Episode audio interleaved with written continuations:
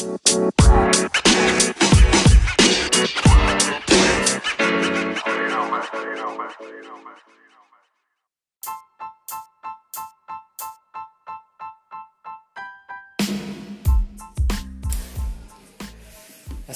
warahmatullahi wabarakatuh. Kembali lagi di Orasi Santai. Gue sekarang sama orang. Kalau ini kan namanya Orasi Santai ya. Kali ini kita ngundang mantan orator. Waduh. Mantap, mantap. Lu jadi orator karena emang kemampuan lu Atau karena ini ngajinya toat nih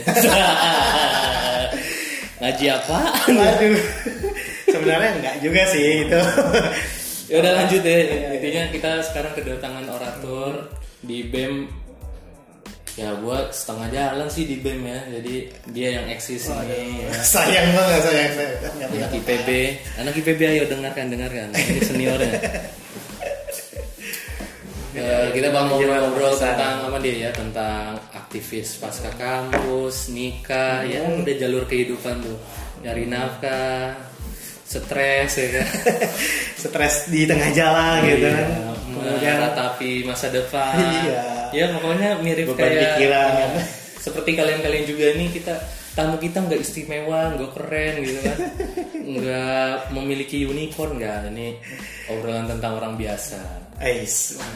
Ya ya ya ya. Eh, di lu pas lu kan ini pasti ya kita anak di BEM dulu tuh wah omongannya apa lebay ya. Agak sosok tinggi ya. Iya. Sosok Tapi itu tinggi. nggak apa-apa itu romantisme masa muda Iya, memang. Wah pengen apa Indonesia harus ini pokoknya ya narasi-narasi yang besar lah. Seperti arah Indonesia apa itu. ya. Anak muda ya, Ra. menawarkan Nah, lu depan. sekarang ya, lu sekarang dengan beban omongan itu mungkin orang-orang di sekitar lu dulu ya, junior-junior lu ngeliat eh, ngeliat Wah dulu Kak Riandi keren ya Minimal ada yang seperti itu Pasti ada 1, 2, 3, 4, 5 orang Nah sekarang dengan kondisi lu hari ini eh, Apa sih yang lu lakuin gitu Oh iya pasti kita berubah banget ya. Ketika dulu misalnya mahasiswa itu kita uh, ada romantisme gitu, semangat sekali kalau berorasi di depan umum, kemudian turun ke jalan. Terus kalau di kampus itu kayaknya semangatnya bergelora gitu dalam apa pun. Sekarang lu masih bergelora Iya, tapi kalau sekarang artinya semangat itu sudah berbeda Oh iya, dengan berbeda polanya. pasca kampus polanya. Gitu. Jadi ya pengalaman banget tapi buat para aktivis harus diakui lah itu jadi poin penting dan poin lebih juga buat mereka yang mau terjun di mahasiswa dulu ikut aktivis organisasi apa pun itu jadi dia punya basically kemampuan lah nanti ketika menghadapi pasca kampus yang rumet gitu. Tapi lu ada beban moral gak? Anjir gue ngomongnya dulu eh, tinggi-tinggi banget. Sekarang gue cuma begini aja. Iya, iya. Temen-temen gue yang eh, kuliah doang udah ke mana-mana ya kan? Atau ya pokoknya secara ini Wah kita kayak iri dengki gitu. Wah anjir dia lebih keren ya. Gue dulu sosok tuh gimana? Pasti. kalau beban moral secara psikis tadi itu memang biasanya ada sih. Apalagi kita sosokan dulu kan. Iya. Kelihatannya lebih tinggi gitu secara posisi aktivis nih kemudian orasi dalam umum. Tapi ya itu oke dulu. Nah kalau sekarang ini dia masa kampus berbeda karena setiap orang punya posnya masing-masing aja sih. Kalau misalnya ya misal lo hari ini dulu berharap bisa uh, lebih misalnya ketika di kampus itu mulai tadinya biasa dia bisa melancong ke luar negeri jadi dapat beasiswa segala macam nah itu pos yang dia lakukan. Tapi lu juga masih bisa kok melakukan yang apa menjadi ideal- idealisme lo waktu di kampus. Nih kalau gua dulu di kampus kan staff nih. Staff gua nggak keren. Nah kalau lu kan ini Apa nih namanya Menteri lah. Kalau di kabinet Jokowi Menteri koordinator Ini keren. Berat ya. Iya kalau gua mah staff biasa. Lu masih berpolitik gak sih? Nah lu peran politik apa yang lu ambil sekarang? Lu kan dulu koordinator Apa sih lu nama istilahnya nih? dulu dulu menteri kebijakan nasional Oh, itu kan politik kan intinya kan. Nah, lu sekarang ngapain? Oh, ngilang dari peradaban. pasti banyak yang nanya lu jadi menteri kebijakan nasional terus kenapa nggak langsung terjun ke politik gitu Oh, ya teman-teman lu ada juga yang nanya gitu. ada kenapa kan lu harus terjun politik atau sebenarnya cita-cita lu apa sih ke depan Lu terus dulu eh, kacung-kacungin gua karena nggak demo, sekarang lu cupu gitu. pasti ada yang nanya kenapa nggak? Iya udah tadi. Terus dulu ya ngeluh-ngeluhin lu orang gitu. Terus tiba-tiba sekarang Kenapa kalian tidak bergerak? Nah, itu sekarang nggak bisa langsung gitu. Tiba-tiba cuma jadi kayak penonton politik gitu. Iya. tapi ya nggak apa-apa itu bagian aja dari sejarah. Dan gue juga masih ngelakuin tentang politik. Tapi emang ya tadi bilang politik santai lah lebih ke bidang sosialnya tapi gue tetap memantau perpolitikan dan aktif lah di beberapa inilah kalau seandainya ada suatu isu atau momen yang gue juga mau terlibat gitu. Oke.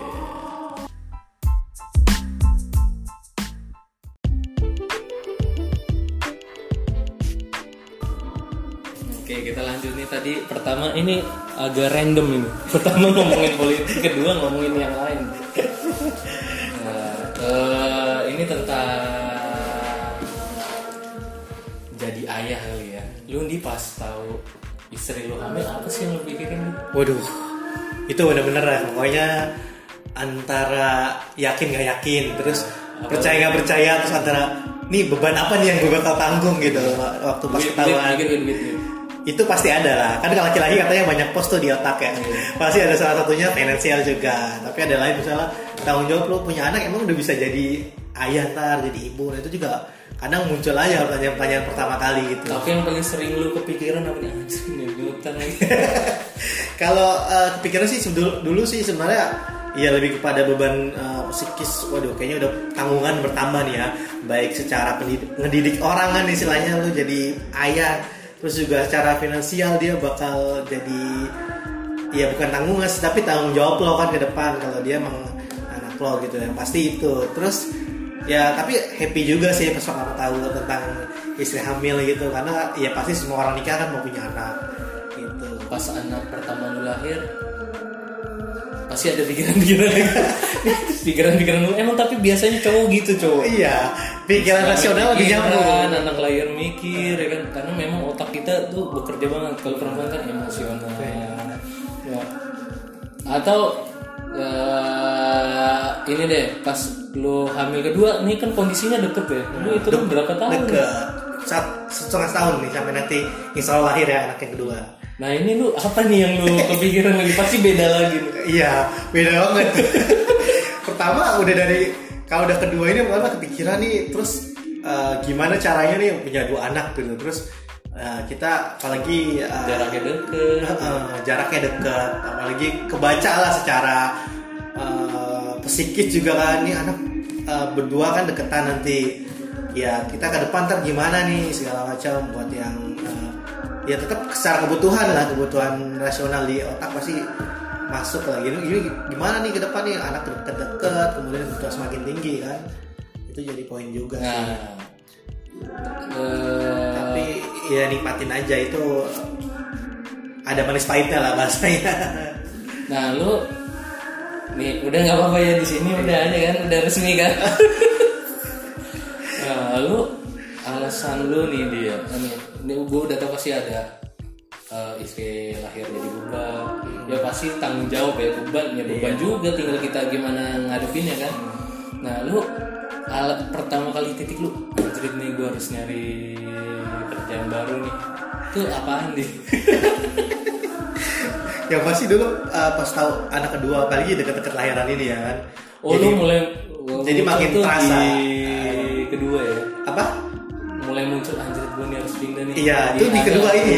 Terus di kedua ini. Kalau di satu itu masih ya sosok lah gitu masih dengan kondisi yang uh, meskipun bahasanya oke lah cukup gitu. Nah kedua ini udah kebayang nih nanti gimana iya banyak tambahan lagi kan tanggung jawabnya. Nah sedangkan semakin bertambah ke- uh, kemudian hari ini kebutuhannya bertambah tapi bahasanya output demand lah ya permintaan dan ininya kan. Permintaan semakin tinggi kita mau nggak mau harus menuntut itu kan produksinya juga banyak gitu. Nah itu jadi kok gaji gue segini-segini aja?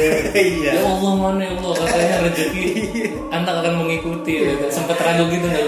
Khawatir ya kali ya nggak ragu. Khawatir ya. Khawatir pasti ada lah kan setiap orang manusia kan. Namanya khawatir tuh ada. Tapi ya gue makanya dalam khawatir itu gue ngelakuin uh, banyak hal untuk supaya gue bisa memenuhi permintaan ke depan itu kalau misalkan dengan adanya ada anak satu lagi nih. Lu apa aja sih yang lu lakuin? Gak apa-apa ceritain aja. Ceritain. Iya. Siapa tuh berguna, berguna buat bapak-bapak yang lain. yang pasti kita berpikir kan ya gimana caranya menambah secara finansial pendapatan. Ya karena itu cara paling jitunya gimana cara kita nyari pekerjaan baru kan yang setidaknya bisa membantu kita make kita secara finansial. Ya meskipun lo lo tahu itu rezeki itu udah di uh, tangan Allah gitu rezeki anak udah ada ya. Tapi kan harus ada ikhtiar dari manusia. Nah lo peran lo ikhtiar itu di situ. Lo mencoba cari alternatif lah pekerjaan baru ataupun kalaupun pekerjaan sekarang lo cari tahu gimana caranya di pekerjaan sekarang lo bisa naik secara uh, uh, finansialnya secara benefit yang lo dapat gaji tiap bulan gitu. Oke. Kita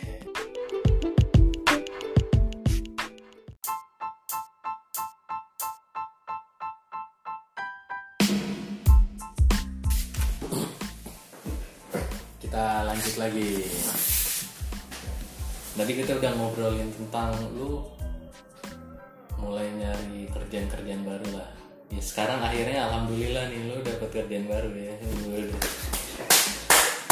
Luar biasa luar biasa ini kehendak Allah bener. soalnya dia gue dulu eh, sama kan proses kayak lu nyari nyari nyari nyari gue nulis tuh di job street aja ya kita misi kan ada gaji minimal. Gue nulis angkanya. Misalnya 15 gitu kan pencitraan bukan 15 yang mulai mikir nih wah kayaknya harus hitung-hitungan walaupun di luar ada tambahan tapi ya kayaknya yang eh, reguler utamanya harus ada angka segini nih minimal. Allah ya gue berproses aja tuh jalanin aja. Ya Allah ngejawab angkanya sama seperti di job street luar biasa. Nah ini di lo kan ini udah melalui proses yang cukup panjang ya. Dan lu juga melakukan loncatan karir yang lumayan sebenarnya nih. Iya, iya, iya, iya. dari kacrut. Dari kacrut eh, berubah langsung jadi kampret. Bukan cebok tapi jadi kampret karena masih ngaji. Bisa nah lu ceritain dong nih lu proses perjalanannya. Mungkin bermanfaat ya buat teman-teman yang masih kondisinya mungkin udah bekerja terus nyari yang lebih layak lagi atau yang belum bekerja melalui prosesnya pasti ada cerita-cerita kayak gitulah oke ya. Lu per- lu seberapa banyak lu nyari kerjaan gitu? Waktu dari awal apa gimana ya? Atau yang sekarang aja? Dari Ya, awal sekarang ya? aja Oh, setelah anak lu lahir wah Iya. harus ini yang setelah dari pertama gak ada yang butuh Jadi ya ini intinya waktu pas saat yang sehari yang sekarang ini ya gue eh, coba nyari pekerjaan baru itu ya tadi punya motivasi lain motivasinya makin kuat gitu. Mau anak kedua lahir kemudian gue harus berpikir ya sebagai laki-laki dong lo punya tanggung jawab gitu. Eh, sama anak istri lo ya lo mau nggak mau harus cari pekerja, eh, nyari yang lebih gitu. Nah akhirnya gue ikutin tuh beberapa yang membuka lowongan tapi nggak nggak terlalu banyak sih ya. Satu dua lah yang gue ikutin gitu. Nah sambil berproses itu ya akhirnya gue menemukan satu lompatan sih. Ya ini gue bilang jadi gak lompatan sih. Emang di awal yang eh, Kacrut jadi kampret. Nah ini ntar ada cerita ya intinya staf jadi manajer. Iya. bahasanya gitu. Di bahasa santai kan kita santai ya itu jadi salah satu motivasi akhirnya gue ikutin prosesnya eh, CPNS gagal ya kan? Mm, CPNS gagal. Padahal udah eh, Jumawa nih BEM di CV-nya BEM. Iya ternyata gagal di tupel nggak jadi nggak ngaruh itu kalau misalnya. Gua suruh jadi penjaga apa tuh namanya? Mercusuar. di pinggir apa di pinggir laut kagak mau padahal lowongannya banyak gitu ya abis gimana ya kita nggak sesuai gitu. Akhirnya gue nyari pekerjaan yang pertama tetap harus dengan beberapa pertimbangan. Yang salah satunya juga tetap misalnya di hati lo nyaman dan itu passion lo lah. Lo ikutin aja prosesnya. Ya lu kalau udah punya motivasi kuat tadi lu jalanin ya lompatan itu bisa lu capai. Apalagi kalau misalnya lu udah pernah bekerja nih kan posisinya udah kerja kemudian jadi pekerjaan baru. Itu justru lebih punya uh, poin lebih diban- uh, dibandingkan yang baru-baru. Tapi Iya. nggak masalah juga kalau buat yang lu pada baru terus mau usaha nyari kerja. Yang penting lu punya motivasi kuat aja dan mau melakukannya gitu. Nah lu di yang ini nih yang akhirnya diterima nih ini udah tanda Hah? udah ya? Udah ya? Iya, Nah, udah. udah. itulah. Nah lu melalui proses apa aja sih nih proses. Gua, gua pertama nih. Ngerjain soal ya? TPA TPA gitu. Oh iya model psikotes kurang lebih tujuh tahap lah ini menurut gue. Oh tujuh tahap. Heeh, kalau dibilangnya tujuh tahap. Tujuh tahap karena memang ini seleksinya ketat. Ya menjadi seorang manajer gitu kan lumayan berat lah buat panjang juga ya. Iya panjang makanya. Kan gue bilang kalau gue gak ada motivasi kuat buat pindah dan gue nggak mau banyak belajar gitu gue gak bakal mental lu apa aja itu yang dipersiapkan? Psikotes Di- nih pertama psikotes tuh. Langsung beli buku-buku tebel nih kalau psikotes ya gue bilang tadi buat lo yang para aktivis tuh kelebihannya itu. Iya. kan psikotes kan ngelihat tentang uh, psikologis lo misalnya leadership lo kayak gitu-gitu Iya. cara teamwork. Nah itu itu lo pentingnya ya. Nah itu salah satu poin penting mahasiswa lu jadi ya ikut-ikutan Ikut-ikutan. organisasi. Walaupun pasca itu cukup. Terus tapi ya itu. Tapi ada manfaatnya. Ada manfaatnya psikotes itu? Tapi psikotes juga ada masalah ini sih eh, ilmu pengetahuan. Kayak ntar ada pertanyaan matematik kayak gitu gitu ya lu juga harus banyak sedikit belajar lah. Ya, mengasah otak yang Mengasah udah otak. lama gak dipakai. Ya. Mm-mm, masuk otak gitu. Pertama psikotes kan? Yang kedua nih. Itu tujuh tahap. Tujuh tahap. Psikotes langsung eh, diumumin misalnya lulus apa enggak nih misalnya. Kalau lulus langsung tuh biasa langsung diinterview sama psikolog. Interview ya? Interview interview itu gali lagi tuh. Lu sebenarnya layak nggak sih? Leadership lu bagus nggak sih secara itu lo persiapan persiapan gak zikir zikir kalau persiapan sih sebenarnya nggak terlalu persiapan ya. Kalau misalnya pas momen psikotes itu ya. Jadi ya ya jalanin aja yang gue bilang tadi. Lu punya basic misalnya di uh, soft skill lu udah oke paling tinggal hard skill lu tuh yang perlu lu latih lah lo ditanyain apa aja sih ditanyain, oh ditanyain banyak. pertama ditanya, inget-inget aja, Ah, ditanya berguna. Ah, ditanya ini pertama biasanya lu ditanya tentang eh, tentang siapa diri lu itu penting Lu juga. jawabnya gimana nih? Gak apa-apa, ini contoh yang Iya, iya, lolos iya. ya. Contoh yang lolos. Pas ditanya siapa diri lu, ya sebisa mungkin harus menjelaskan kepada psikolog itu bahwa lu itu orang terbaik yang mau daftar di ya pekerjaan itu gitu. Lu punya kemampuan Pakai sungguh-sungguh gitu. Iya, lu punya kemampuan lebih, punya pengalaman, terus punya kapasitas. Lu sampein aja kelebihan-kelebihan lu supaya meyakinkan psikolog. Itu penting banget buat sekali. Bukannya kita jawab, ya terserah bapak sih. Saya ngikut saja. Waduh. kalau itu biasanya kalau mau di PNS gitu wawancara katanya. Harus nurut-nurut. Terus apa lagi tuh? Siapa Ya. diri lo? Siapa diri lu udah lu jelasin yakinin. Terus kemudian lu ditanya nih biasanya eh, tentang prestasi lu. Iya. Prestasi Oh sih lu bro. Oke. Iya, tadi lu kasih tanya nih tentang prestasi lu apa sih? Jangan-jangan lu gak punya prestasi. Wah itu bahaya tuh, makanya setidaknya Terus lu lu apa nyebutnya setelah lu dari lulus kan kerja Heeh. tanpa prestasi bertahun-tahun. prestasi itu hal banyak yang bisa lakuin. Oh, oh, iya, iya, apa? capaian diketik, capaian kalau misalnya udah kerja di kerjaan lu capaian apa? Oh. Pasti lu tak ada kan capaian gitu. Terus capaian dulu ketika di mahasiswa juga pasti lu ada kan Iya, iya, capaian iya. apa tuh? Misalnya bisa mimpin organisasi, kalaupun uh, IPK lu bagus, itu bisa disampaikan itu prestasi-prestasi lu. Oh. Itu lu nyebutin itu itu tadi hal-hal. Iya, itu yang gue sebutin sih. IPK juga lu bilang tuh. Kalau IPK enggak, karena dia udah, bisa ngeliat. Oh, iya, iya. Tapi paling ketika gue dulu misalnya di organisasi apa. Ya itu siapa diri lu, prestasi, terus apa lagi ya? Terus biasanya ntar ditanya, eh, lu ditanya mengenai apa? Kenapa lu mau memilih pekerjaan yang lu ambil itu? Oh, Artinya. bisa. Ya karena eh, Ya itu lu pas, lu pasti punya passionnya masing-masing kalau buat jawab itu kalau daftar dalam pekerjaan. Itu. udah pokoknya seputar itu aja. Iya. Nah, habis wawancara nih apa ini? Habis wawancara, habis itu nih, waktu itu gue langsung eh, tahap selanjutnya. Tahap selanjutnya itu mengisi eh, studi kasus. Oh ya pokoknya lu mau dicek nih bener-bener leadershipnya terus Heeh. sama lu apa menyelesaikan masalah kayak gimana? Benar, kita harus jadi problem solving karena jadi seorang manajer kan ya lumayan lah posisinya. jadi kalau ditanya ini misalnya ada satu kasus ini gimana cara lu eh, bisa selesai kasus itu dan itu lu tulis lu ketik gitu waktu itu gue gue Ketik di rumah. Enggak di laptop, di laptop tempat, langsung dengan ada 10 pertanyaan. 10 10 pertanyaan studi kasus harus lu jawab dalam waktu kurang lebih dua jam. Gimana cara lu menyelesaikan masalah itu?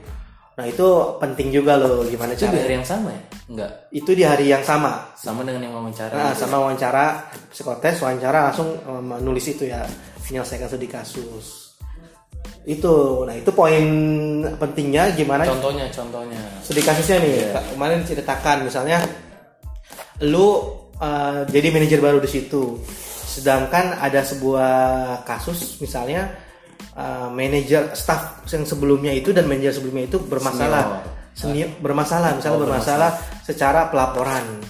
Ya kan pelaporan di sana uh, keuangan kemudian secara surat surat undangan maupun ajuan-ajuan ke manajer itu sama sekali nggak pernah dibaca. Itu juga jadi masalah. Terus ketika itu dulu dikondisikan menjadi uh, manajer rangkap manajer karena tiba-tiba manajernya satu resign sedangkan pekerjaan itu banyak dan lu dikasih tahu tuh caranya gimana lu bisa menyelesaikan pekerjaan-pekerjaan dua pekerjaan itu dalam satu Iya. lu gitu sendiri Jangan itu arahnya. Terus kasih jawaban lagi. waduh kalau gitu Terus kalau kayak gitu gimana jawaban lo? Ya pertama lo harus bisa paham dulu kan terkait pekerjaan lo. Misalnya manajer X sama Y. Nah lo harus bisa memberikan arahan tugas ke bawahan lo nanti nih. Setidaknya kalau lo lu nggak bisa mengerjakan pekerjaan lo langsung, lo bisa memberikan arahan nih sama bawahan lo. Bahasanya delegasi, Iya, delegasi delegasi. tugas. Nah itu delegasi tugas penting lo harus bisa mewakili lo, tapi dilakukan oleh orang lain gitu. Itu penting. Itu harus dijawab lah dengan cara. Dan itu jawabannya lulus. ya. Lulus. Nah, setelah itu tahamnya apa? Setelah itu tahap selanjutnya gue langsung dinyatakan lulus direktur itu ya? wawancara user sama direktur. Nah, wawancara user gimana tuh wawancara user? Kayak Wawancara- menarik gitu. wawancara user lah luar biasa kalau udah wawancara user. Lalu ditanya eh, kenapa alasan lu pindah dari kerjaan sebelumnya pasti kan. Terus Ini perlu dijawab gitu.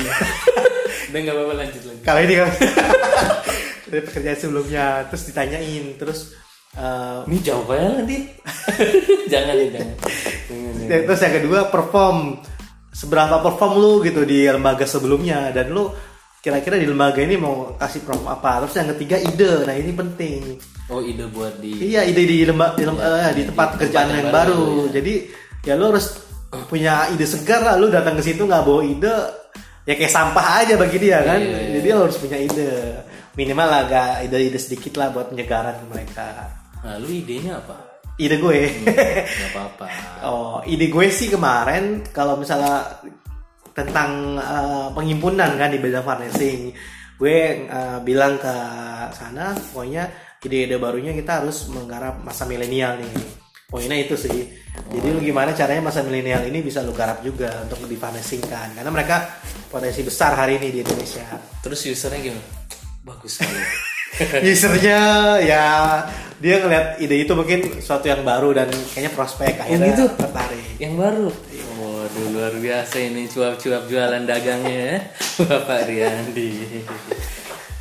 Nah dari alur panjang yang lu lewatin nah, akhirnya lu lulus lu ngasih nilai kontrak terus di ya di nego turun sedikit ya kan. Ini poin pelajaran penting nih. Kasih nilai yang tinggi tapi yang wajar. Tapi ini Riyandi terlalu ini pas-pasan. Nah, lu dari rangkaian yang panjang itu apa sih inti eh, apa pembelajaran atau inti persiapannya deh buat orang-orang dari rangkaian yang panjang itu kan lumayan lelah itu ya. Pasti kan emang Allah membimbing lu itu biar lu lulus. bisa jadi makanya bersyukur lah. Rezeki anak, rezeki iya anak. syukur Nah, tapi apa nih secara sisi manusiawi apa sih? sisi bisa tapi pada persiapan lu harus punya motivasi kuat dulu sih kalau lu nggak punya motivasi buat ya mendaftar pekerjaan ya susah kalau udah ada motivasi yang pertama lu punya semangat ya kan semangat buat ngelakuin itu terus yang kedua ya tetap lu harus eh, hari ini gampang lu bisa belajar kan searching searching misalnya tentang gimana caranya wawancara yang baik psikotes Lu sampai itu soal apa googling gitu-gitu nih. itu sempat Oh, karena itu untuk pembelajaran Oh, iya, iya, bener. nah Jadi itu jadi lu bisa tuh belajar Iya, semuanya iya, di situ iya.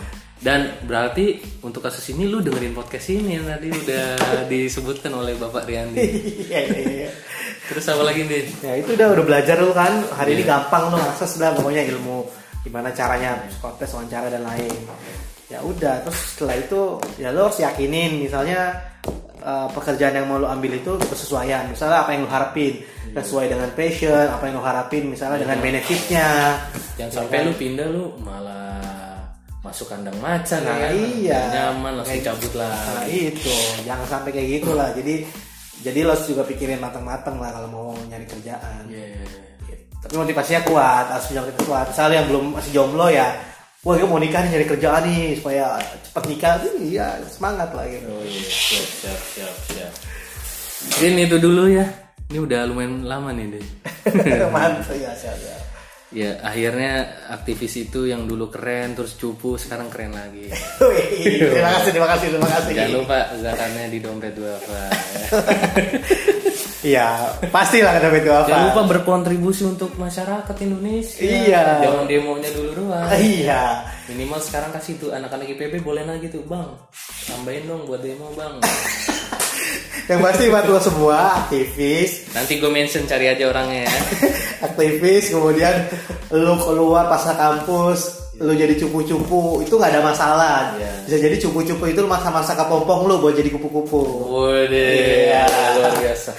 jadi kita perlu proses Oh, cupu-kupu lu itu lu dibilang cupu di apa tapi Iya. kalau saat lu akan dapat batu loncatan Iya. akan dapat posisi yang menurut tuh bagus dan Iya. juga ya oke lah dengan dulu waktu mahasiswa Ya berarti lu harus siap-siap jadi kepompong lagi ya. iya ya lu bentar lagi harus jadi kupu-kupu lah tinggal mau apa enggak aja Oke siap. Terima kasih Bapak Riandi. Ya, wassalamualaikum warahmatullahi wabarakatuh. Waalaikumsalam warahmatullahi